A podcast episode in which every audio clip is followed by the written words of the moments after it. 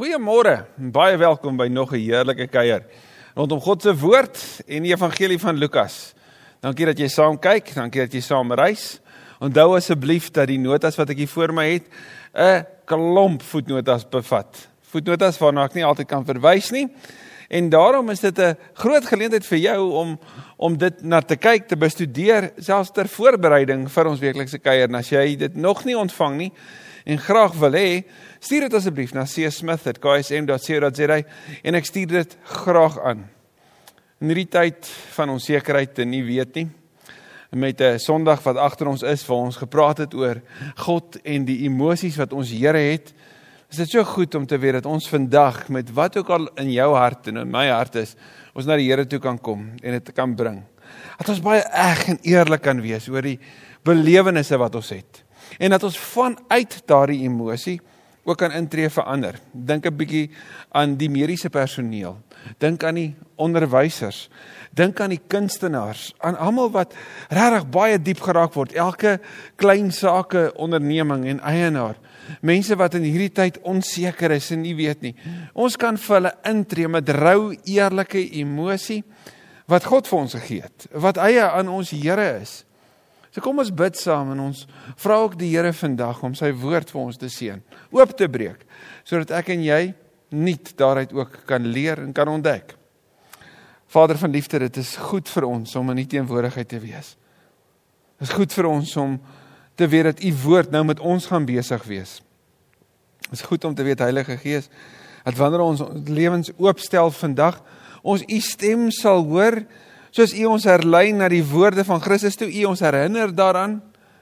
Dit is goed vir ons Jesus om U woorde ook direk en en regheid in ons lewens in te hoor vandag. Woorde wat lewe bring. Woorde wat dit wat ons dalk onderdruk na vore bring. Woorde wat red. Here U sê in Johannes 17 dat ewige lewe is om U te ken. Om te weet dat U gestuur is en dat daai ewige lewe nie van ons weggevat kan word nie.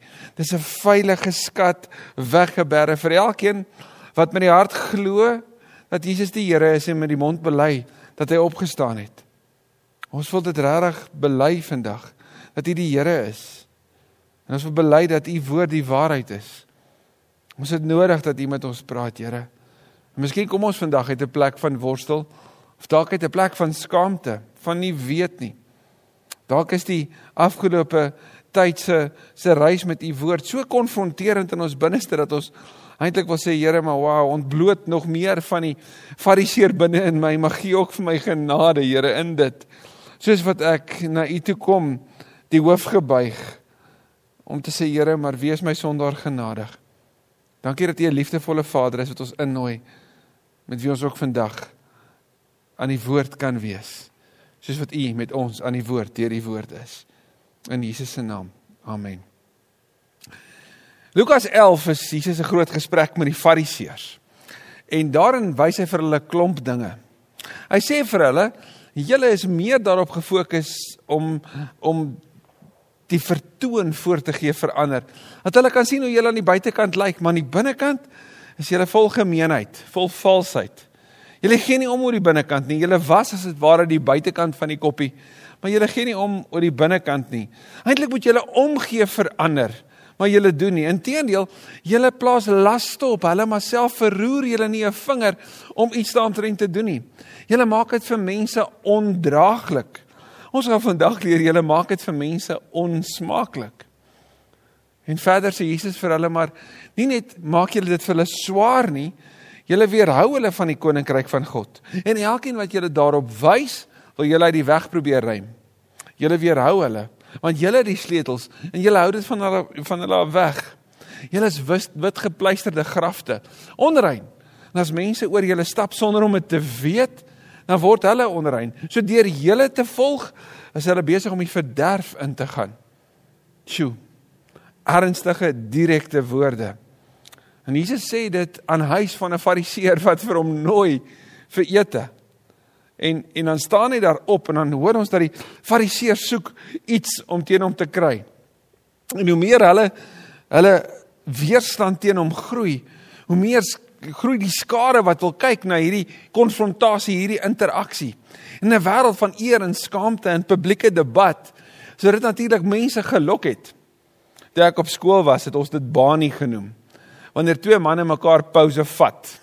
Hulle het mekaar sê wil jy iets maak en voordat jy weet hoor jy banie, banie. En wanneer hierdie bekleierheid teen hierdie tussen hierdie twee kinders, jong manne sou plaasvind, dan sou die die die groep om hulle al hoe groter en groter en groter word.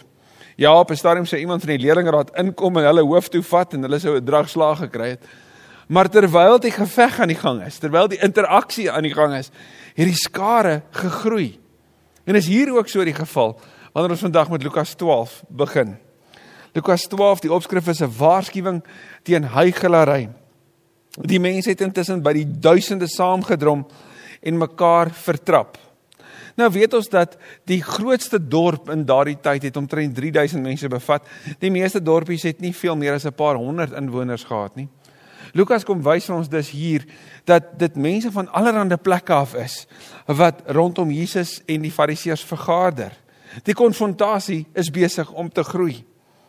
Toe Jesus met hulle begin praat, en dan draai hy eers na sy disippels toe en hy het hom eers na sy disippels gerig want onthou dis 5 maande omtrent voor die kruisiging Jesus is besig met praktiese disippelskapsopleiding hy's besig om vir sy disippels te wys hoe om te leef en hoe om nie te leef nie hoe om vas te byt en te volhard en wat om nie te doen nie hoe belangrik hulle lewe en hulle belydenis is en dat die twee een moet wees so hy draai na hulle toe en dan sê hy vir hulle Pas op vir die suurdeeg van die Fariseërs.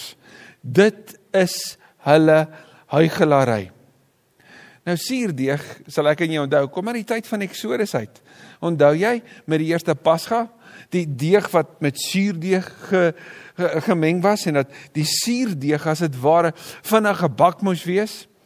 Later sou die Jode daarna verwys as die brood van die lende, want dit was smaakloos. En uiteindelik sou sou suurdeeg nie 'n positiewe konnotasie hê nie. Jy het nie iets met suurdeeg in gebruik vir 'n offer nie. Jy moes jou huis reinig van alle moontlike suurdeeg. So suurdeeg was nie 'n teken van van hoop nie.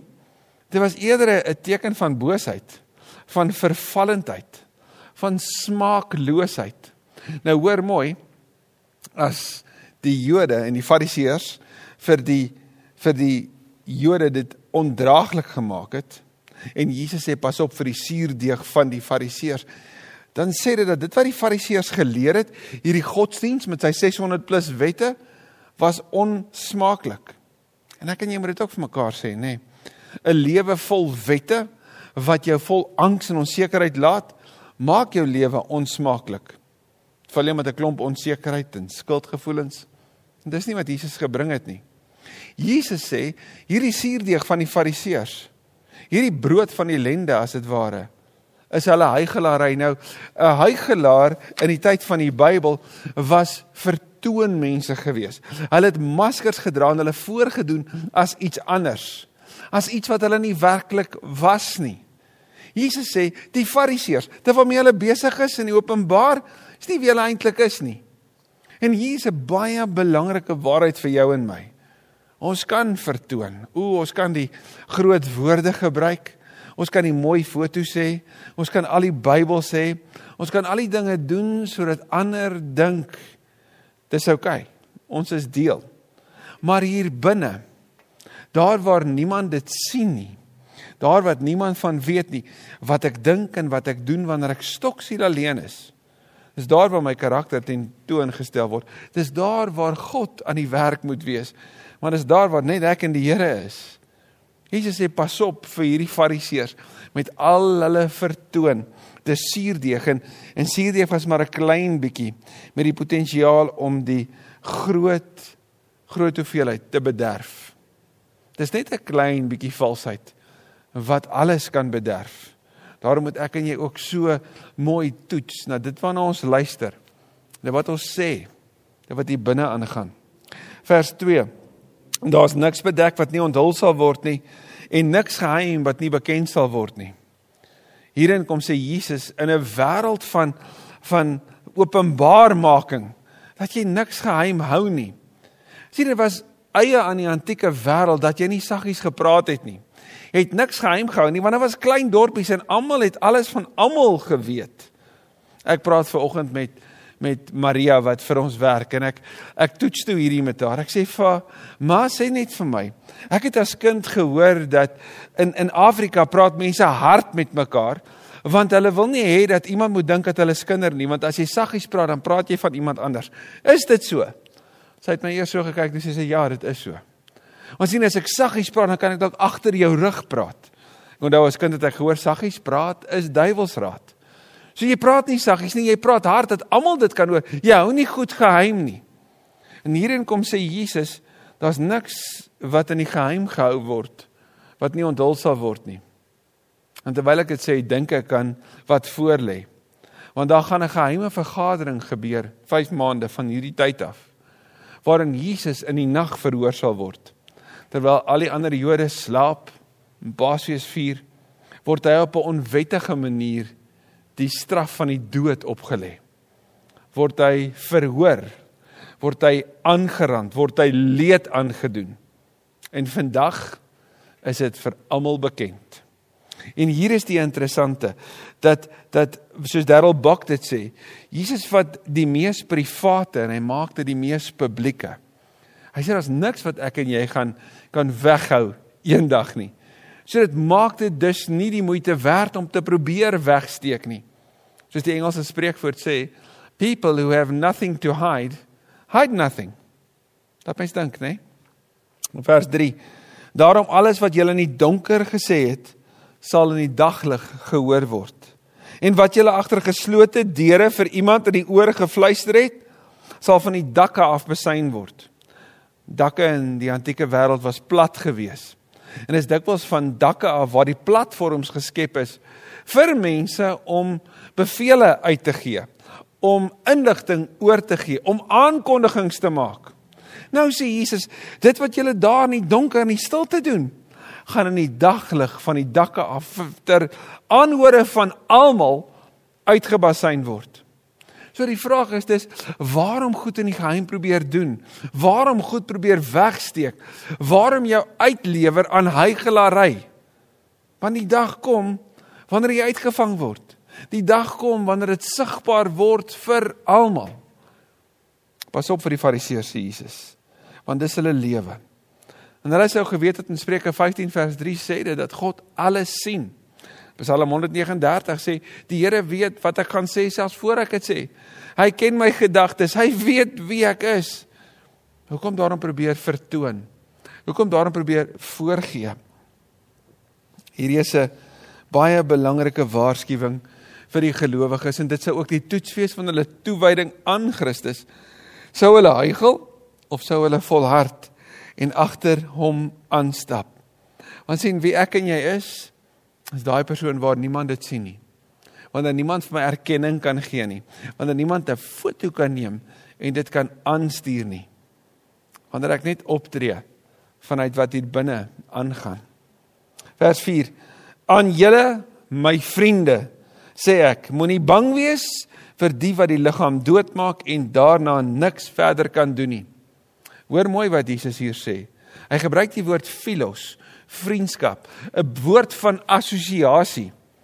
As jy vandag in in een van die gemeenskappe van Afrika sou gaan uitreik, sou jy sien dat die mans mekaar se hande vashou wanneer hulle rondloop.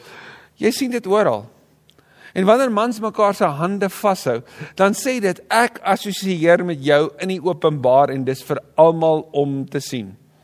Ek onthou my eerste uitreik in Matlala waar ek vir 'n 'n hele middag deur die gemeenskap moes stap om die mense te nooi na die Jesus film vir die aand toe. Had ek daai hele middag moes loop en 'n ander man se hand moes vashou. En ek onthou hoe dit die kultuur binne in my gekonfronteer het. Maar toe ek verstaan waaroor dit gaan, toe besef ek hoe bevoorreg is ek dat hierdie boeta van my homself in die openbaar met my assosieer. Ek wat uitstaan soos 'n seerduim. Almal kon sien ek is nie van daar nie. En tog sê hy vir die ander, hy's my boeta. Hy's een van my. Ek assosieer met hom. Jesus sê, ek vat julle hande in die openbaar. Ek assosieer met julle en julle assosieer met my. Hy noem hulle vriende. En dan sê hulle moenie bang wees vir dit wat seermaak en doodmaak nie. En vir Jesus se disippels op hierdie oomblik sou dit vreemd wees. Want sien, hulle sou nie verstaan dat waarna hy eintlik verwys is vervolging wat voorlê nie. En ons gaan nou sien hoe hy dit uitpak. So die eerste ding wat Jesus hulle aan herinner is, moenie huigel nie. Die tweede ding, moenie bang wees vir mense nie. Moenie bang wees aan wat hulle julle kan aandoen nie, moenie bang wees oor wat hulle oor julle kan sê nie.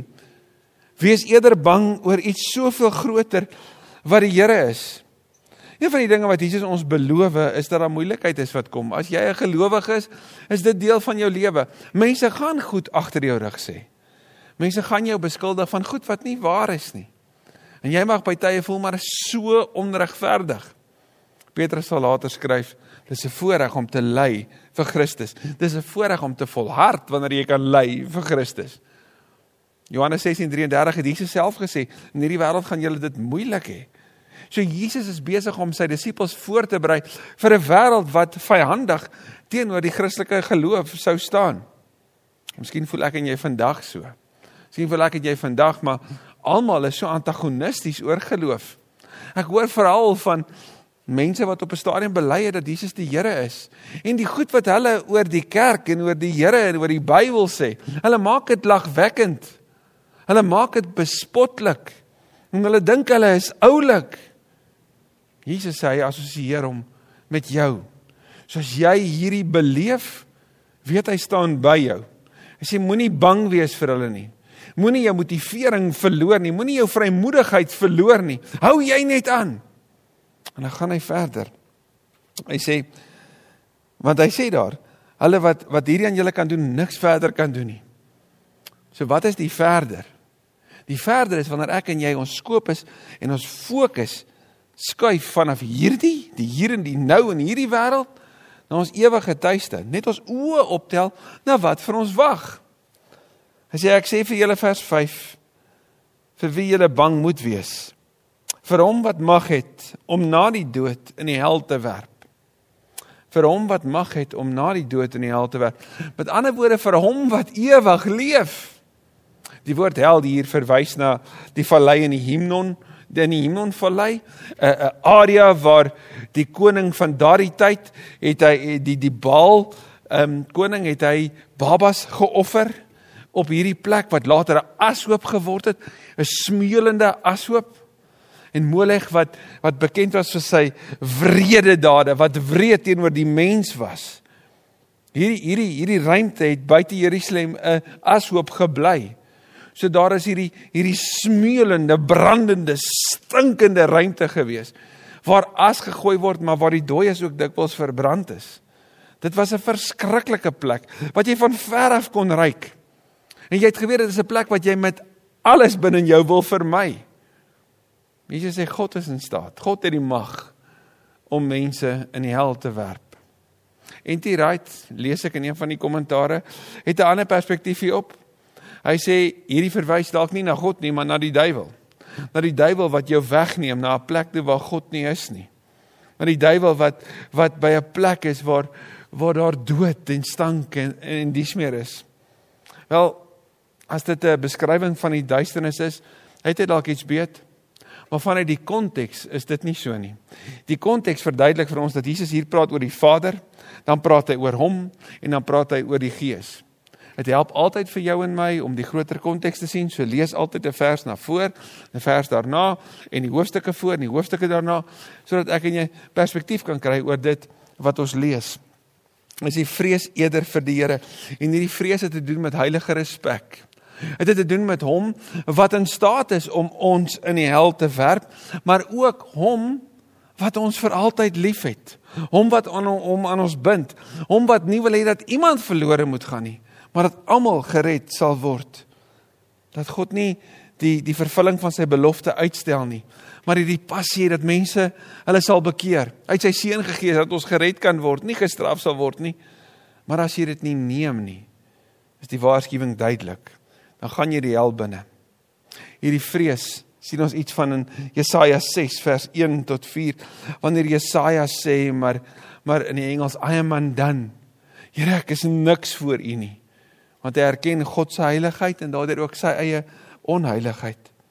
Ja sê Jesus. Ek sê vir julle, vir hom moet julle vrees. In Matteus 29 gaan ons sien van God se versorging. En hoor dit mooi, wanneer Jesus in vers 6 sê, word 5 mossies nie vir 1 vir 2 sent verkoop nie. Tog word word nie een van hulle deur God vergeet nie. Matteus 9 ag Matteus 10 vers 29 verwys Jesus na mossies. En dan sê hy in in in ons vertaling of die nuwe vertaling lees dit as volg: Nie een mossie sal van die boom afval sonder die wil van die Here nie. Die gevaar hiervan is dat dit lyk asof dit God se wil is dat mossies doodgaan. Binne in hierdie konteks sou jy kon sê maar hou vas. Dis moontlik dat dit God se wil kan wees dat jy vir hom sal ly. Dat jy die prys sal betaal en as jy gaan luister na die die die lys van gelowiges in Hebreërs 11 dan is dit so. Maar die Grieks van Matteus 10 sê iets anders. Geen mossie sal van die tak af val sonder dat die Here daar is nie. So hy is teenwoordig wanneer daar pyn en seer is. Dit gee my hoop. Dit gee my troos wanneer ek weet dat seer, teleurstelling, hartseer, skok, trauma jou realiteit is. Dat God daar is. Hierdie keer verwys Jesus na mossies en die Grieks verwys na 'n baie klein voeltjie. Nou die armes kon net hierdie klein voeltjies bekostig met hierdie bittermin vleis. As jy as 'n arm Jood 'n offer sou bring en nie 'n lam kon bekostig nie, het jy 'n mossie geoffer. 'n Klein voeltjie geoffer. In hierdie geval sê Jesus, hierdie klein mossie wat wat minder as 'n uur se dagloon van 'n dagloon werd is, soos bitter bitter bitter min. Wat jy vir 2 sent kan koop, hierdie hierdie 5 mossies vir 2 sent. En hulle word versorg. Hulle is niks werd nie. As God vir hulle sorg, hoeveel te meer sal hy nie vir jou sorg nie? Weereens daai gebruik van Lukas van die klein na die groot. As julle vaders weet wat goed is, hoeveel te meer sal God nie weet nie. As mossies deur God versorg word, hoeveel te meer sal hy nie vir julle sorg nie. Daardeur kom sê die Here vir sy vir sy disippels, vir wat voorlê, wat ook al teenkanting en en verwerping julle kan beleef. God sal by julle wees. Hy gaan saam met jou stap. Vers 7 selfs die hare op julle koppe is almal getel. Moenie bang wees nie, julle is baie meer werd as mossies. So, wat sê Jesus tot op Here? Vir my hygelary en vrees God. 'n Derde. In vers 8, ek sê vir julle, elkeen wat hom voor die mense openlik vir my uitspreek, vir hom sal die seun van die mens hom openlik uitspreek voor die engele van God weer die klein na die groot. Vir elkeen wat bely Jesus is die Here, vir hom sal Jesus bely voor die engele van die mense na die engele vir elkeen wat bereid is om openlik te verklaar Jesus is my Here. Onthou jy 'n paar weke terug het Theodor gepreek oor Jesus is koning. Is dit wat oor jou en my lewe staan? Is dit wat mense sien? Is ek bereid om dit te sê of luister ek dit dalk liewer hier onderling? Hoop ek dat die Here dit ergens hoor. Maar ek is bang om dit vir ander mense te sê, want net nou word ek ongewild. Net nou dink hulle iets van my of sê hulle iets agter my rug. Romeine 10 vers 9 sê met die hart glo ek en met die mond bely ek.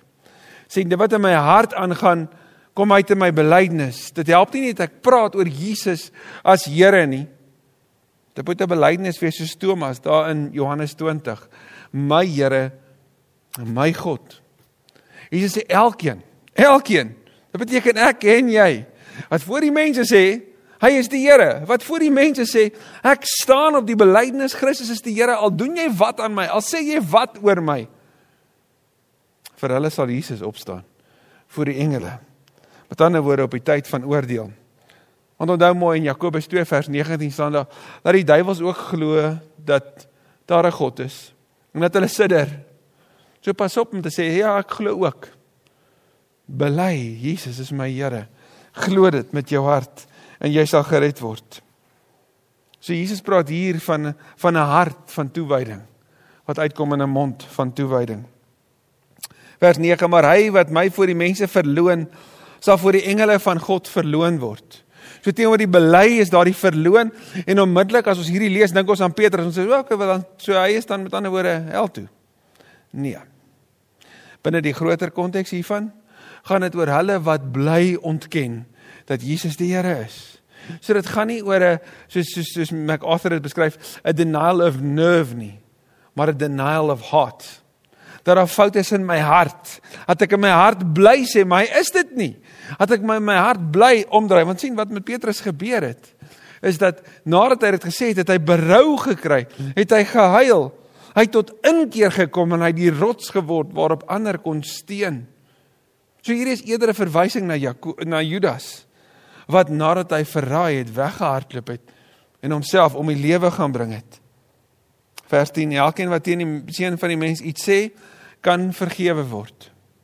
Vader vrees, seun bely en nou sê Jesus, elkeen wat iets teen hom sê, nou die die woord sê daar is 'n gewone woord, lego. Dis 'n gewone praatvorm so dat mense dalk kritiek op Christus sou hê, dat mense dalk sou worstel. Soos 'n Saulus van Tarsus wat teen Jesus sou praat. Jesus sê dit kan vergewe word. Dis waarskynlik die die goeie verduideliking vanuit die konteks dat dit gaan oor hulle wat daar saam met Christus is. Maar dan gaan hy verder. Hy sê maar hy wat teen die Heilige Gees laster kan nie vergewe word nie. Vir my heigelary vrees God, bely Jesus is die Here en volg en luister die Gees. Waaroor gaan hierdie dan? Hy wat teen die Heilige Gees laster. Die Engelse woord blaspheme kom vanuit hierdie Griekse woord wat daarop dui dat jy iets sê wat beledigend is. Dat jy iets met jou mond sê wat leed aan iemand kan doen.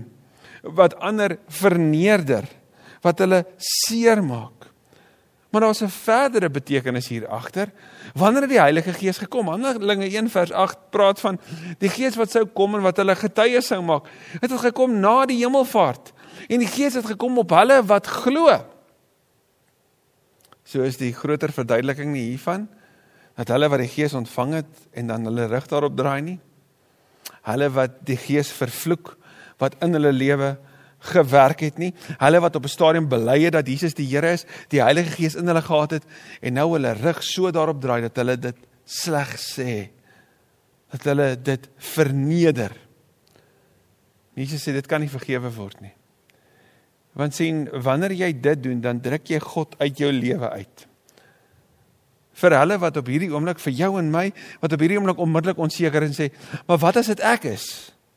Dis die eerste aanduiding dat dit nie jy is nie. Want as ek en jy besorgd is oor sonde in ons lewe, dan weerspreek ons presies dit waaroor dit hier gaan. Want sien, hierdie gaan oor mense wat God so uit hulle lewe uitgedruk het dat hulle nie meer die foute en die sonde in hulle lewe raak sien nie. Alles wat hulle doen is reg. Hulle kan alles regverdig. Kom dikwels uit 'n plek van menseregte en my voorkeure en my begeertes en hoe ek aan mekaar gestel is. Eerder as om my lewe ondergeskik aan God se wil en God se lewe en God se woord te stel en my lewe daarbey aan te pas om nie te sê ek kan maak soos ek wil nie. Maar eerder, Here, wat is u wil en ek pas my lewe daarbey aan.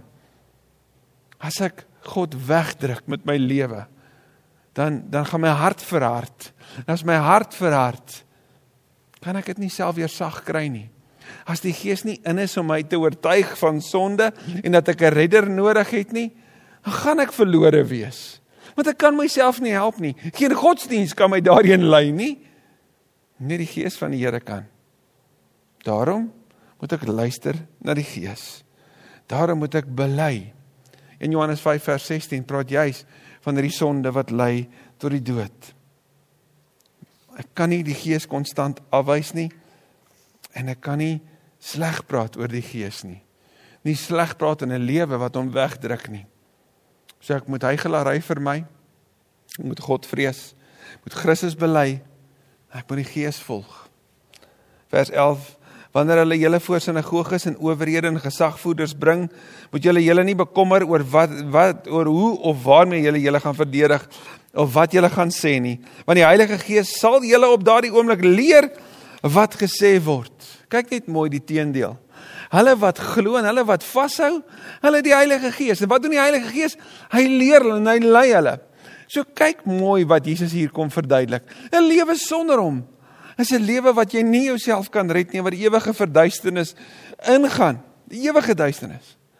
Maar 'n lewe saam met hom is 'n lewe waar hy jou lei en leer en neem na die ewige woning saam met God toe. Sjoe. As ons dit net kan hoor. En gaan dit hier oor prediking? In ander woorde, jy hoef nie voor te berei nie. Wat sê die konteks? Nee. Ek het al gehoor dat daar gepraat word oor jy hoef nie nodig om voor te berei nie. Gaan net en deel dit net. Wel, as ek en jy in situasies kom waar dan die tyd vir voorbereiding is nie natuurlik sou hierdie pas. Maar ek het eendag gehoor van 'n 'n man met die naam van Andrei. Andrei het gesê dat elke keer as hy op die kansel klim om te preek, het hy gesê, "Here, wat moet ek sê?" En dan het hy net gaan praat. Hy het nooit voorberei nie. En hy het sê eendag toe hy opklim, dis al woorde wat hy hoor. Andrei, jy's lui.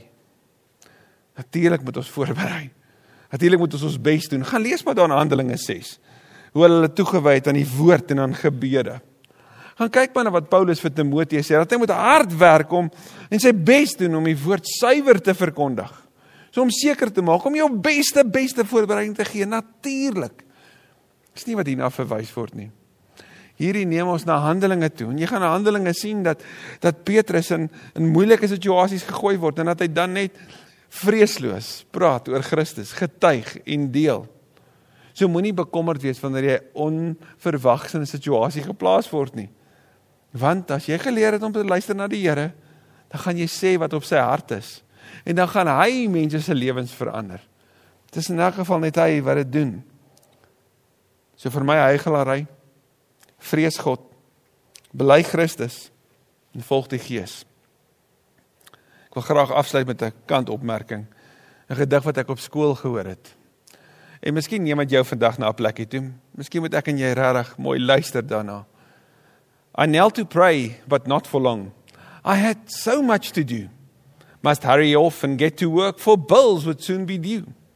And so I said a hurried prayer, jumped up from off my knees. My Christian duty now was done. My soul could be at ease. All through the day, I had no time to speak a word of cheer, no time to speak of Christ to friends. They'd laugh at me, I feared. No time, no time, I had no time. That was my constant cry. No time, Lord, I had no time.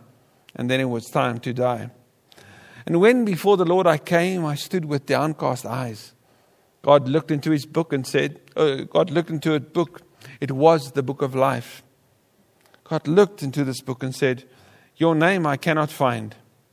I once was going to write it down, but never found the time. Mag ek en jy luister.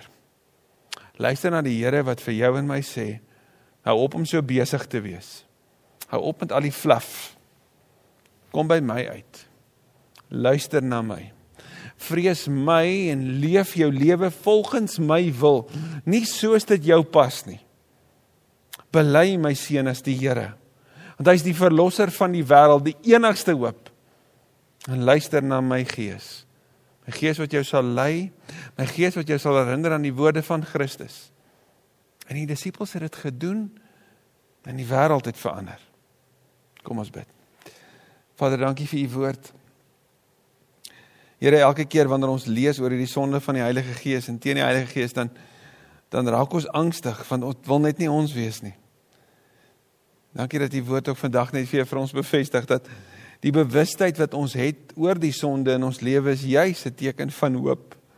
Is juis 'n 'n bevestiging dat die Gees ons daarin lei, dat die Gees ons konfronteer met die sonde in ons lewe. Maar Here terwyl die Gees met ons praat, mag dit asseblief ook vir ons 'n waarskuwing wees om nie ons harte te verhard nie, om nie ons ore te sluit nie, om nie ons lewens so oor ons te maak dat ons uiteindelik afgestomp raak van u van die geloofsgemeenskap en van 'n wandel met Christus nie. Mag ons wagmoedig bely Jesus is die Here vandag en elke dag totdat ons die voorreg het om te hoor voor die engele dis my seun. Dis my dogter. Oor hom oor haar verheug ek my. In Jesus se naam. Amen. Mooi dag vir jou